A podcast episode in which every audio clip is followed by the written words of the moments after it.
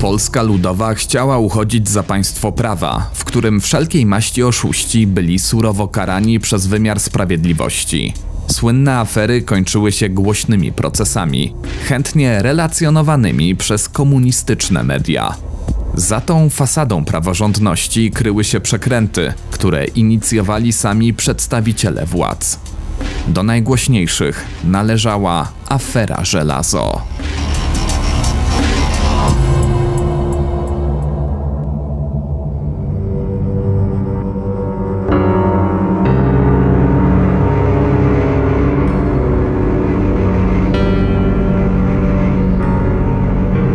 Opowiem Ci historię. Kamil Barnowski. Zapraszam. Premierowe odcinki podcastu Opowiem Ci historię publikowane są w każdy poniedziałek o 20.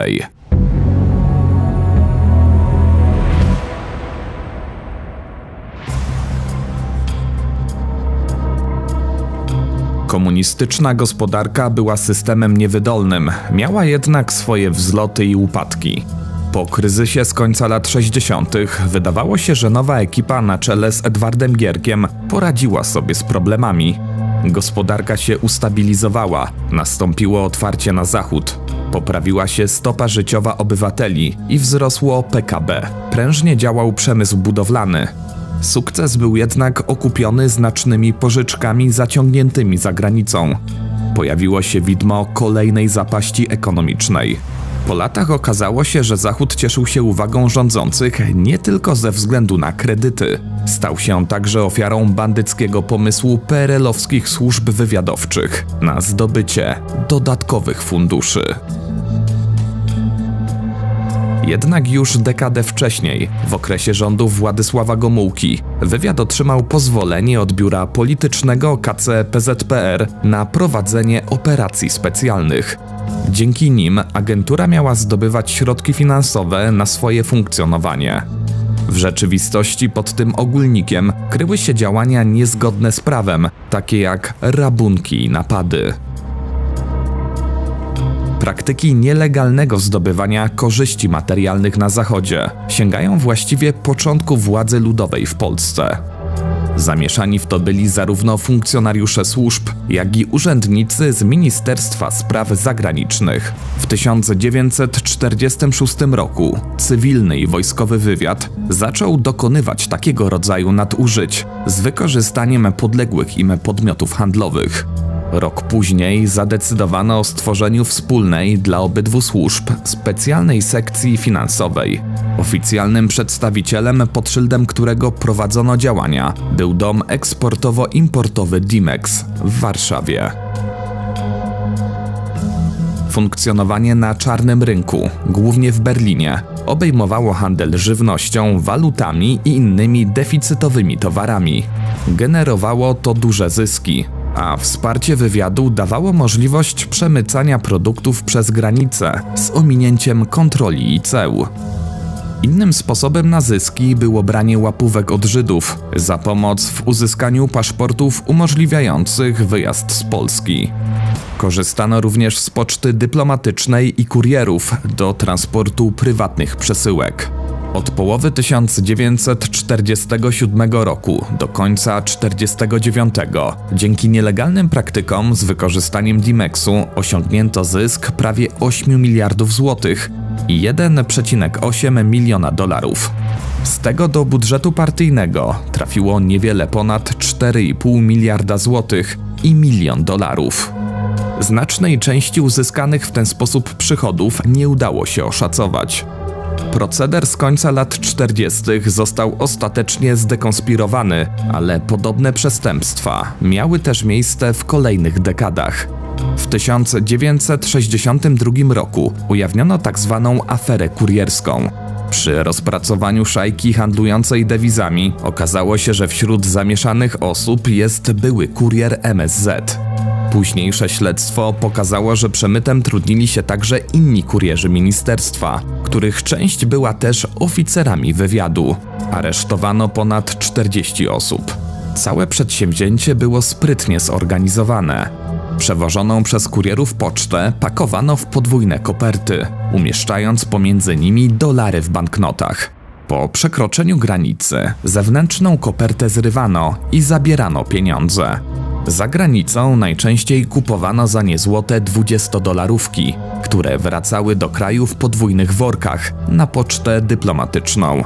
Monety cieszyły się sporym powodzeniem na czarnym rynku, umożliwiając sprzedaż z dużą przebitką. Przez trzy lata wywieziono w ten sposób z Polski 225 tysięcy dolarów, kupując za nie około 4,5 tysiąca złotych monet o łącznej wadze 210 kg. W podobny sposób przemycano też inne deficytowe towary. Takie machlojki były także powszechne wśród perelowskich urzędników. Dotyczyło to m.in. większości pracowników ambasady polskiej w Tel Awiwie. W 1971 roku wyszła na jaw Operacja Zalew, już dekadę wcześniej kilku wysokich rangą funkcjonariuszy Departamentu II MSW, czyli kontrwywiadu, stworzyła grupę przestępczą specjalizującą się w przemycie. Nielegalny handel obejmował waluty, dzieła sztuki, znaczki pocztowe, a nawet bieliznę i odbywał się na trasie Berlin-Moskwa. Z czasem ukierunkowano się na przerzut złotych monet z Berlina Zachodniego do Polski. Korzystano z resortowych samochodów i sprzętu, a także fałszywych dokumentów wystawianych przez Ministerstwo Spraw Wewnętrznych. Operację zorganizowano tak sprytnie, że wielu funkcjonariuszy MO i MSW nie zdawało sobie sprawy, że bierze udział w nielegalnym procederze. Zapewne do wykrycia szajki doszłoby znacznie szybciej, gdyby nie fakt, że w całym przedsięwzięciu uczestniczyło wiele wysoko postawionych ludzi. Należał do nich m.in. dyrektor drugiego departamentu, a następnie wiceszef MSW, generał Ryszard Matejewski. Rozpracowanie grupy było de facto możliwe dopiero po zmianie ekipy rządzącej w 1970 roku. Na rozprawie tłumaczono te przestępstwa koniecznością zdobywania funduszy dla działań operacyjnych służb specjalnych. Jak się okazało, miał to być również jeden z motywów afery żelazo. Według niektórych relacji z przemytu dóbr przez granicę korzystał w latach 60. generał Mirosław Milewski. To właśnie on stał się centralną postacią nowej operacji. Kariera tej szarej eminencji służb rozpoczęła się w trakcie II wojny światowej. Zaledwie jako szesnastolatek został członkiem sowieckiego kontrwywiadu Smiersz. Po wojnie pracował w Urzędzie Bezpieczeństwa i był odpowiedzialny m.in. za aresztowania i mordy na żołnierzach Armii Krajowej. Zmiana władzy w 1956 roku nie zaszkodziła jego karierze. We wrześniu 59 objął stanowisko naczelnika Wydziału II w Departamencie III MSW. Kolejne awanse pozwoliły mu objąć stanowisko wiceministra, a następnie ministra spraw wewnętrznych. Uzyskał też stopień generała dywizji MO. Upadek nastąpił dopiero w połowie lat 80. w związku z akcją, która naraziła na szwank prestiż całego kraju.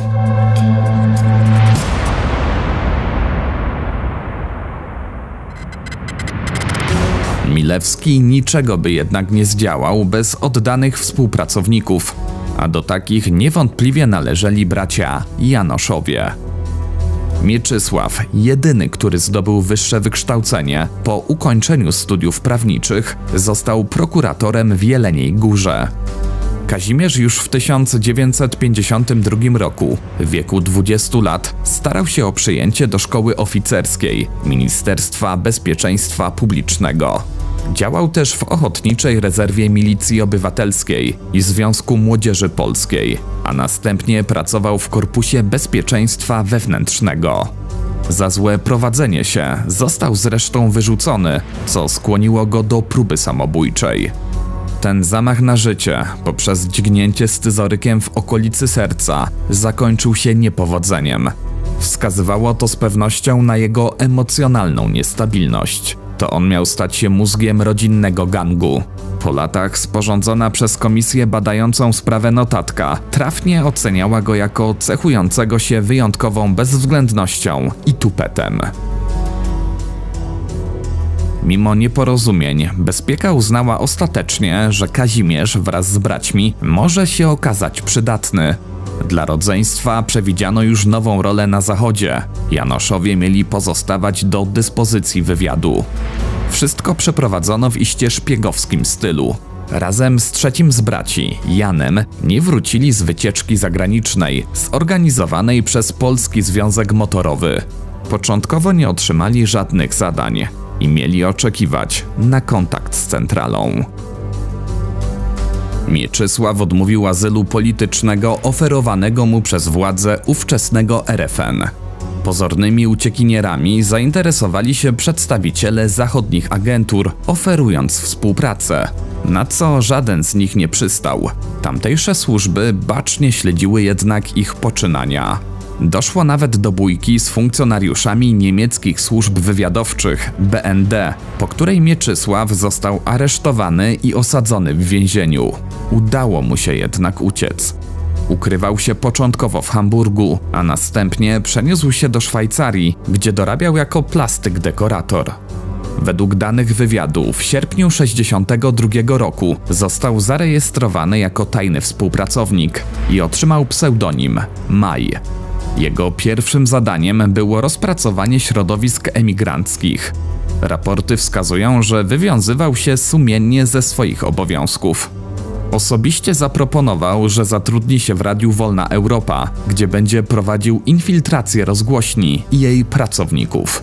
Ludzie z centrali mieli jednak inne pomysły na wykorzystanie jego zaangażowania. Z kolei Kazimierz jeszcze przed pozorowaną ucieczką z Polski był przeszkalany na wypadek wyjazdu do krajów kapitalistycznych. Początkowo miał się znaleźć we Francji, a następnie w RFN-ie. Za pomocą kurierów i szyfrowanej korespondencji regularnie wysyłał raporty przełożonym z MSW. Spotykał się także z pracownikami centrali na terenie całej Europy. Dodatkowo zatrudnił się w niemieckich kompaniach wartowniczych w celu rozpracowania tego środowiska. W 1967 roku pomysł zorganizowania rabunków na Zachodzie zyskał wreszcie rangę poważnego tematu. Całej operacji nadano kryptonim żelazo, co przewrotnie oznaczało metale szlachetne, takie jak złoto. Pułkownik Chodkiewicz, jeden z wtajemniczonych w całą akcję, argumentował, że należy to zrobić w ramach rewanżu. Centrala nie była jednak przekonana, czy Janoszowie są właściwymi ludźmi, lecz Kazimierz z typową dla siebie butą odparł. Co będziecie się martwić? Ja wam Adenauera zabiję i w skrzynce przywiozę.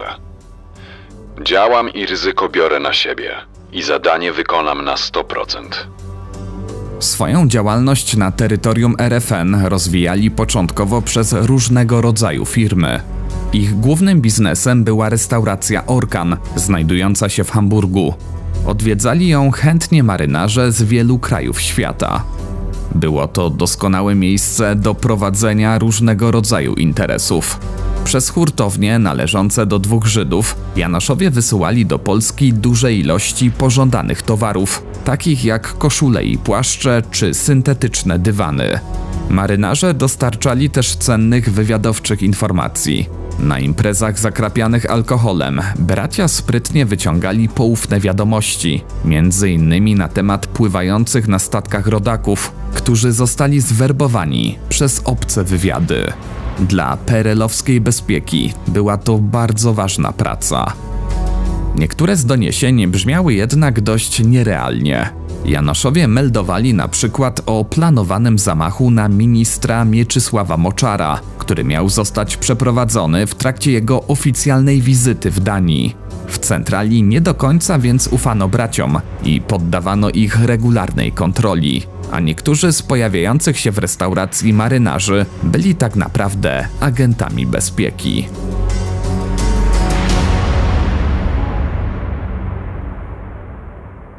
Inną działalnością było przedsiębiorstwo import-eksport. Część kosztów operacji, liczonych w zachodnich walutach, miało pokryć MSW. Kazimierz był jednak zmuszony wyłożyć znaczne sumy z własnych oszczędności, które później, pomimo zapewnień, nie zostały mu zwrócone. Janoszowie cechowali się sprytem, inteligencją, a równocześnie bezwzględnością. Dzięki temu z powodzeniem zaczęli tworzyć szajkę specjalizującą się w rozbojach i innych przestępstwach. Grupa zajmowała się napadami na sklepy jubilerskie, kradzieżami samochodów czy paserstwem. Ważną częścią działalności był przemyt zrabowanych dóbr do Polski. Wymagało to również dobrego przygotowania. Kazimierz twierdził, że pracował po 20 godzin dziennie i szczegółowo analizował rynek zachodnio-niemiecki. Innym sposobem na łatwy zysk była sprzedaż precjozów dostarczanych przez miejscowych Żydów. Organizowano fikcyjne włamania do sklepów jubilerskich, za co właściciele otrzymywali odszkodowanie od firm ubezpieczeniowych. Następnie połowa towaru wracała do nieuczciwych jubilerów, połowa zaś zostawała u Janoszów. Mieczysław doskonale wiedział, jak niebezpieczną rozgrywkę prowadzi. Zagrożeniem były nie tylko miejscowe organy ścigania. Jak przyznał po latach, sfabrykowano dokumenty, które miały wskazywać na kolaborację jego i braci z wywiadem zachodnio-niemieckim. Jako odpowiedzialnego za fałszerstwo wskazywał tajnego współpracownika służb. Obmyślił nawet rewanż, który miał wciągnąć adwersarza w nielegalne rozgrywki, czyniąc z niego szefa hurtowni biżuterii w Hamburgu. Dla bezpieki Janoszowie pozostawali jednak wartościowymi partnerami. Na górze najważniejsze decyzje związane z braćmi podejmował generał Milewski. Za bezpośredni kontakt z nimi odpowiadał natomiast pułkownik Mieczysław Szwarc, kierownik Wydziału III Departamentu I MSW. Mimo to funkcjonariusze wywiadu kontaktujący się z braćmi nie mieli najmniejszych wątpliwości, z kim mają do czynienia. W swoich raportach bez skrępowania używali takich określeń jak bandycka rodzina, kryminaliści czy gangsterzy.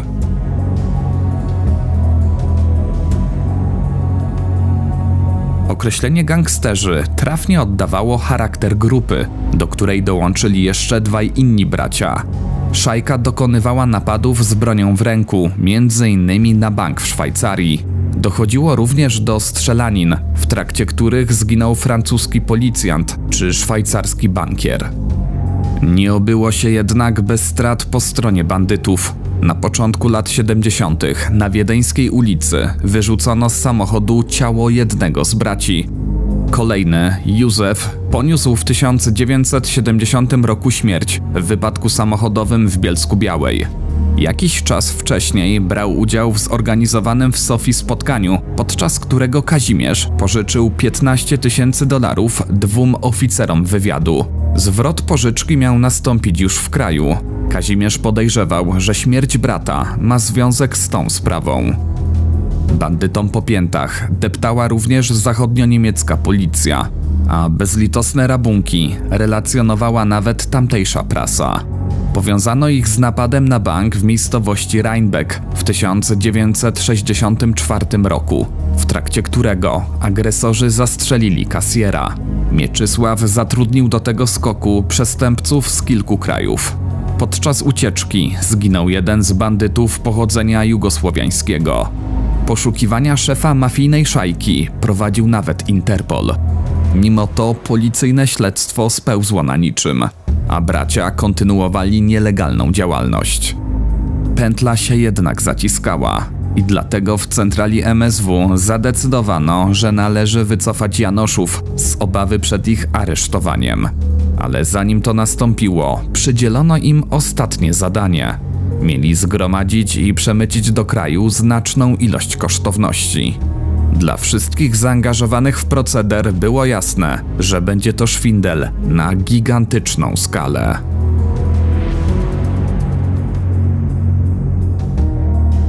Kazimierz Janosz otworzył firmę handlującą biżuterią.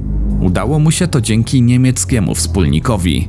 Jens Kajholz miał zaufanie do Janosza, więc chętnie zgodził się na wynajem lokalu w biurowcu naprzeciwko dworca kolejowego.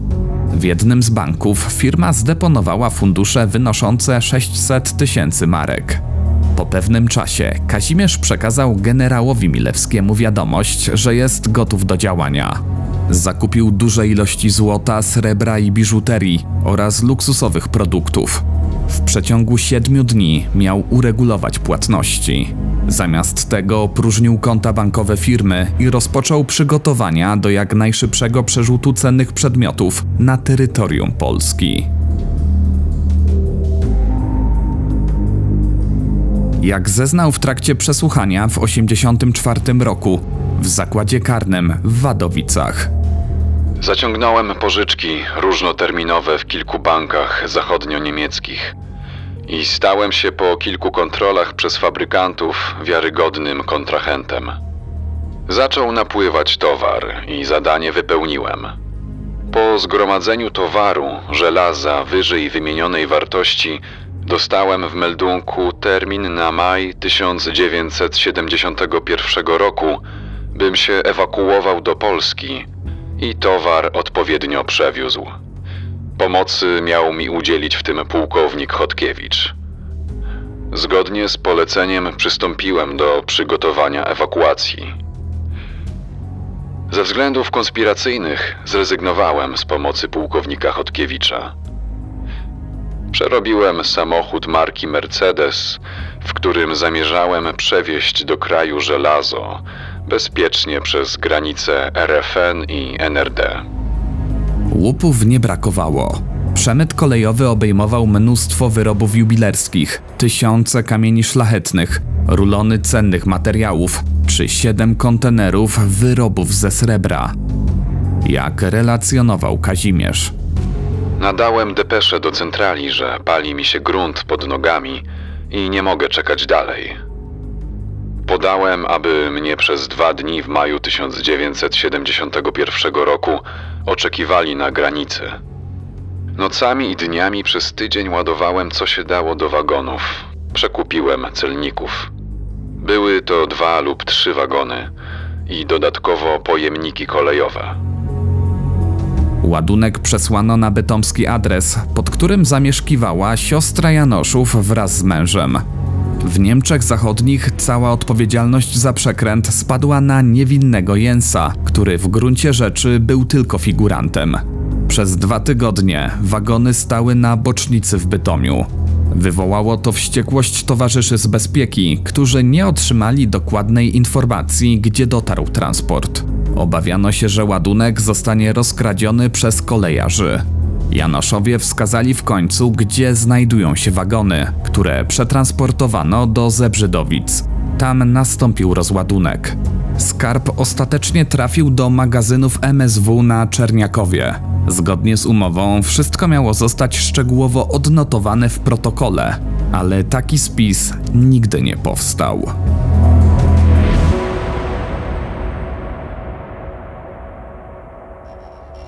8 maja 71 roku do kraju przedostał się także Kazimierz Janosz, przewożący w skrytce przerobionego samochodu marki Mercedes 200 kg złota oraz inne precjoza. Na granicy RFN odprawa poszła bez problemu. Celnicy nie sprawdzili ładunku z powodu dużej kolejki. Kłopoty pojawiły się na granicy z NRD. Jednak Kazimierz powołał się na znajomości w ministerstwie.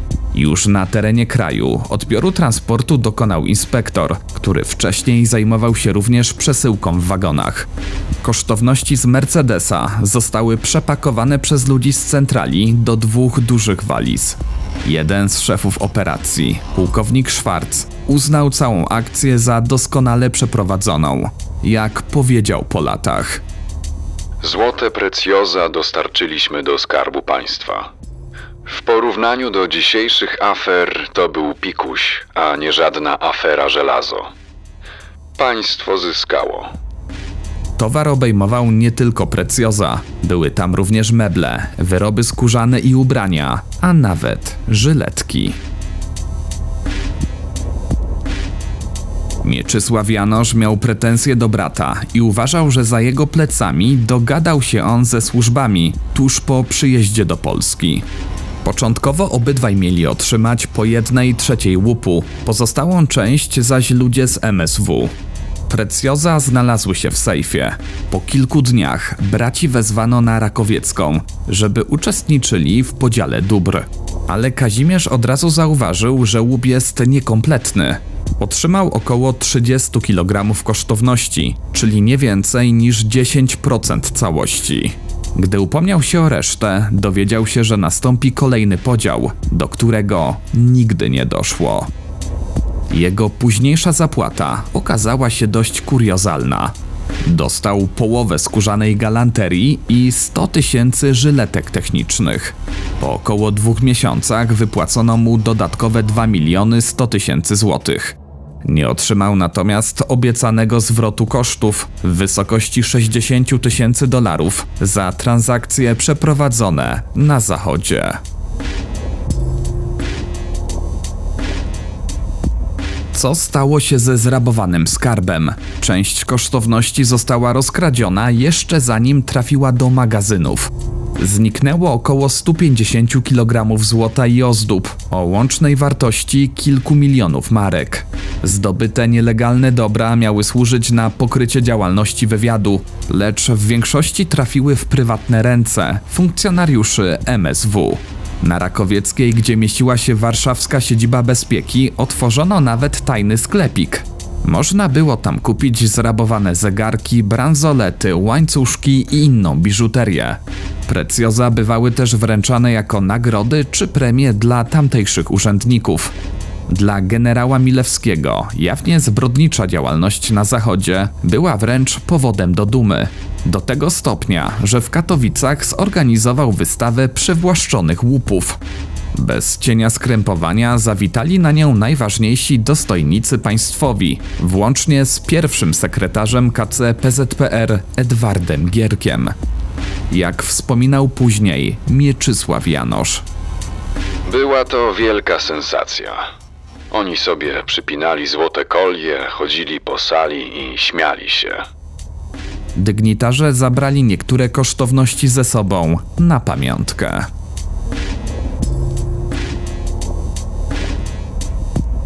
Choć oszukani na łupach, Janoszowie zyskali ochronę ze strony bezpieki. Kazimierz oraz Mieczysław po powrocie do Polski osiedlili się w okolicach Bielska Białej. Powielając schemat z Hamburga, otworzyli restaurację, która w rzeczywistości stanowiła kolejną przykrywkę dla działalności przestępczej. Dochodziło tam do rabunków oraz pobić. Niektórzy klienci byli wywożeni do lasu.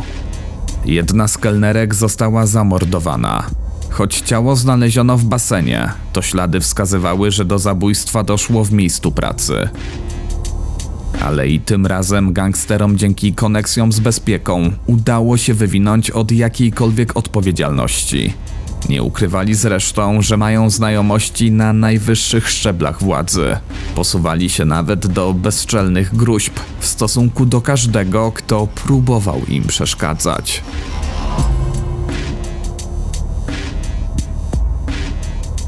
Związane ręce miała miejscowa milicja.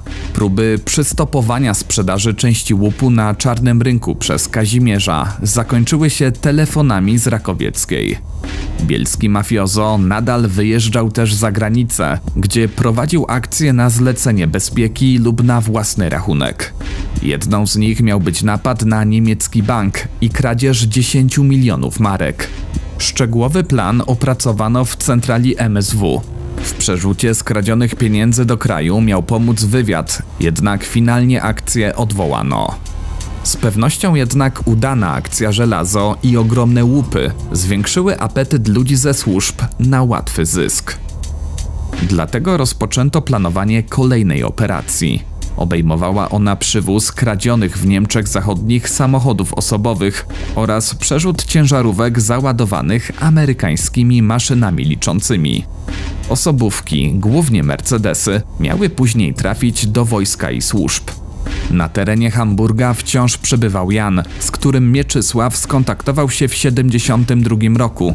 Najprawdopodobniej zdołano zrabować kilka pojazdów, które przekroczyły przejście graniczne w Świecku, a następnie były wykorzystywane przez towarzyszy z MSW.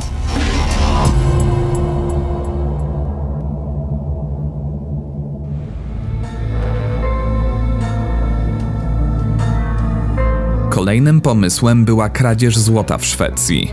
W lipcu 1972 roku Kazimierz poinformował, że do zdobycia jest 50 kg złota w przetopionych bryłach oraz 30 kg w formie bransolet, a także 3 kg szlifowanych kamieni szlachetnych.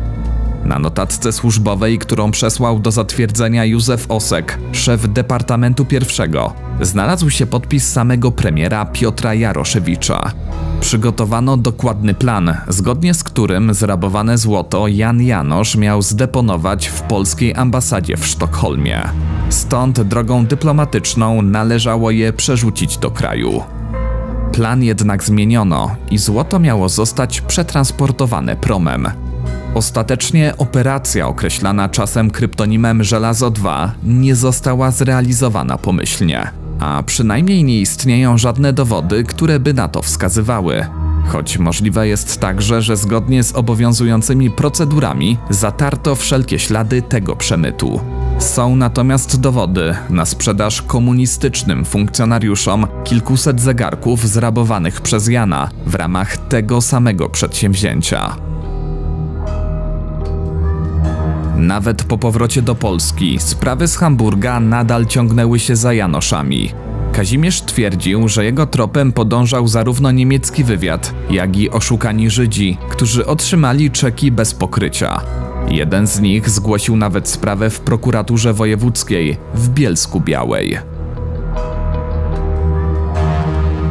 Janoszów wykorzystywano za granicą również do innych przedsięwzięć niż tylko rabunek. W służbach specjalnych zrodził się pomysł zaszkodzenia jednemu z czołowych opozycjonistów, Adamowi Michnikowi.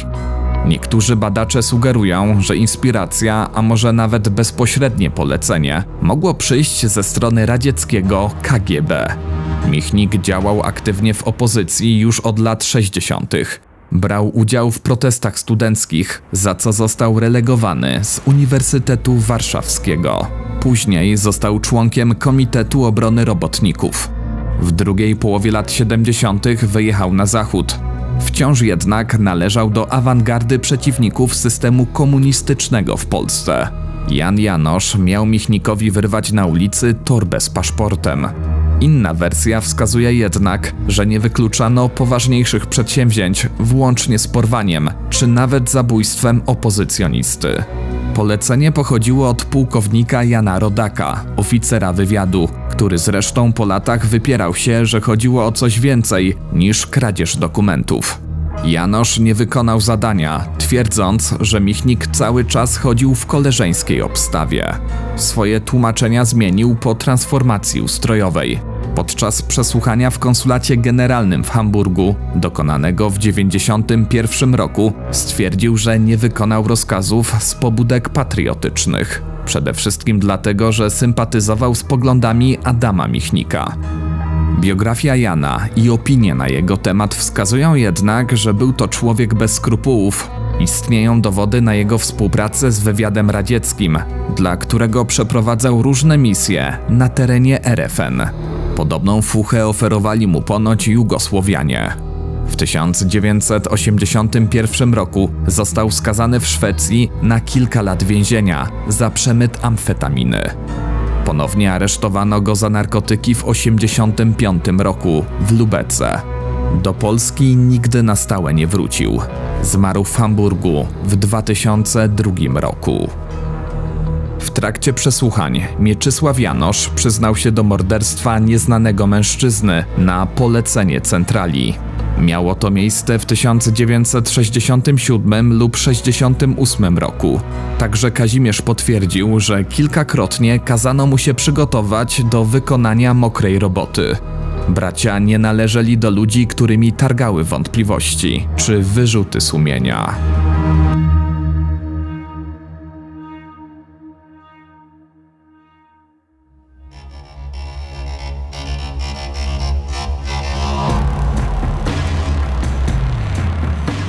Początku lat 80. nastąpiła zmiana władzy.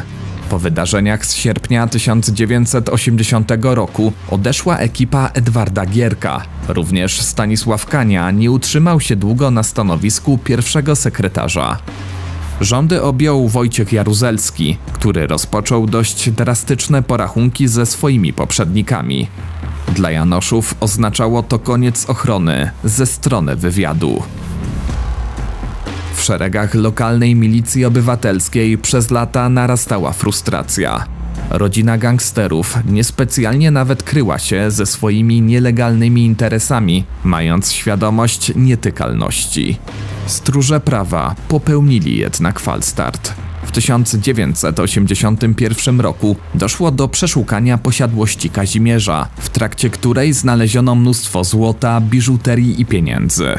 Ostatecznie jednak po raz kolejny zainterweniowały szare eminencje ze służb. Czas rozliczenia nadszedł dopiero w 1984 roku.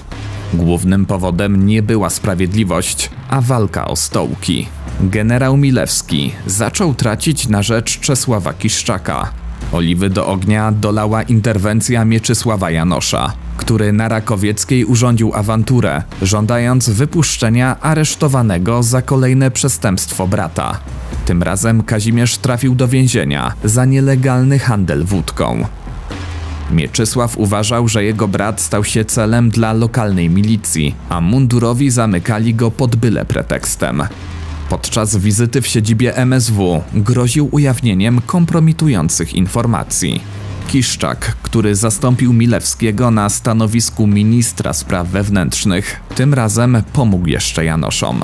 Zaczął szukać jednak sposobu, aby zamknąć gangsterów bez powodowania dużych strat wizerunkowych. Należało uniknąć skandalu na wielką skalę. Zebrano szczegółowe informacje o napadach i kradzieżach. Powołano też specjalną komisję. Generał Milewski był przekonany, że mimo wszystko nic złego mu się nie stanie. Miał nawet żal, że za zasługi nie otrzymał żadnego odznaczenia państwowego. Należało jednak kogoś poświęcić, a lepszego kandydata nie było. Szczególnie, że były minister faktycznie okazał się jednym z głównych beneficjentów operacji Żelazo. Prowadzono wiele przesłuchań, a dowody były przytłaczające. Większość z oskarżonych starała się rozmyć swoją winę lub wręcz nie przyznawała się do udziału w aferze. Milewski twierdził, że o sprawie wiedzieli zarówno jego przełożeni, jak i członkowie kierownictwa PZPR, włącznie z późniejszym pierwszym sekretarzem Stanisławem Kanią. Po wielu latach jej główni wykonawcy, Mieczysław i Kazimierz Janoszowie, twierdzili wręcz, że żadnej operacji żelazo nigdy nie było, a przywiezione kosztowności zostały zdobyte w całkowicie legalny sposób. W połowie lat 80. Polska nie cieszyła się najlepszą opinią na Zachodzie. Było oczywiste, że ujawnienie afery żelazo jeszcze bardziej skompromitowałaby władzę PRL na arenie międzynarodowej. Ostatecznie Milewski stracił stanowisko i legitymację partyjną. Nie został jednak pociągnięty do większej odpowiedzialności karnej, mimo poszlak wskazujących na jego powiązanie nie tylko z tą aferą, ale również z zabójstwem księdza Jerzego Popiełuszki. Równie łagodnie potraktowano braci Janoszów. Wiele wskazuje na to, że nie była to kwestia litości. W Polsce Ludowej zarządzano surowe wyroki za znacznie mniejsze przestępstwa. Po transformacji ustrojowej pytania o to, dlaczego tak pobieżnie potraktowano tę skądinąd wielką aferę, zadano ówczesnemu prezydentowi Wojciechowi Jaruzelskiemu. Argumentował on, że zrobiono to z obawy przed dekonspiracją polskich agentów, Wydaje się jednak, że powody były inne. Zarówno Milewski, jak i Janoszowie posiadali bardzo niewygodną wiedzę, która mogła pogrążyć wielu wysoko postawionych funkcjonariuszy partyjnych. Generał Milewski zresztą otwarcie sugerował, że w razie potrzeby jest gotów skompromitować swoich kolegów po fachu.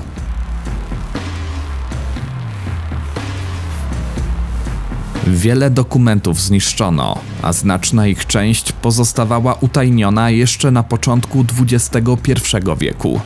Do dziś sporo aspektów afery żelazo pozostaje nieznanych i być może nigdy nie zostaną wyjaśnione. Szczególnie, że najważniejsi uczestnicy tych wydarzeń zabrali ze sobą tajemnicę do grobu.